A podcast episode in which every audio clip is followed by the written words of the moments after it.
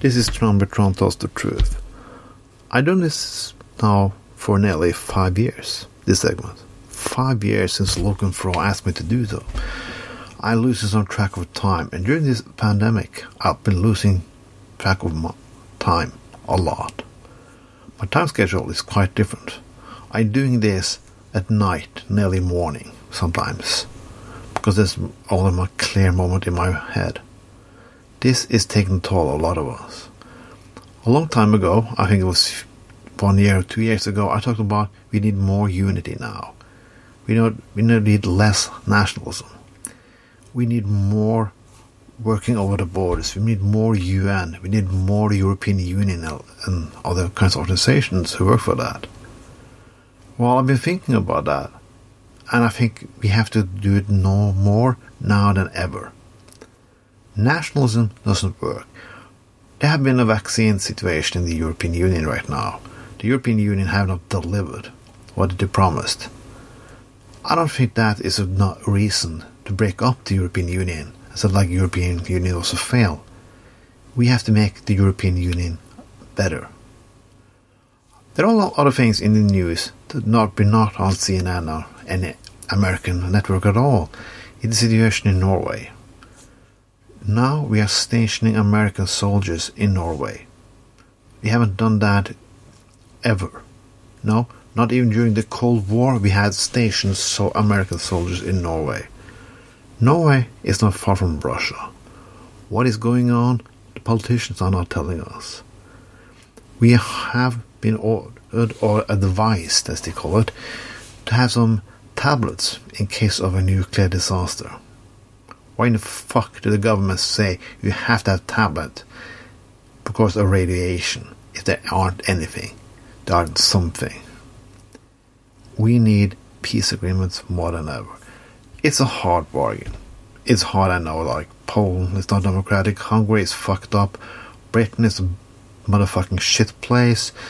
People are protesting in, in Spain, in Thailand, in Burma, everywhere. Even have been Black Matter protests in fucking Japan. Japan, people who never oppose their leaders at all. That is what's happening.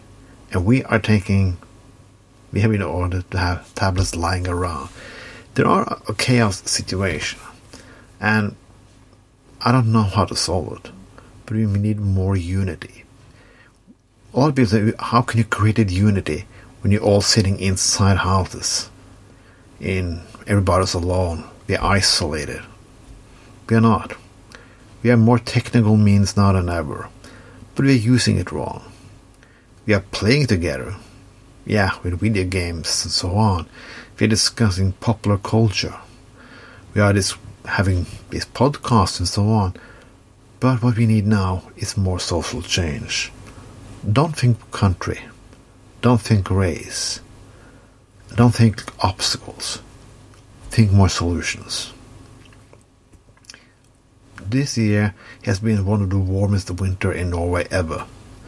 You have temperature now it was unthinkable 10, 20 years ago. We have nearly spring, and it's March. That is strange when you nearby the country in the Arctic Circle. But we cannot solve this alone. We cannot create our own solution alone.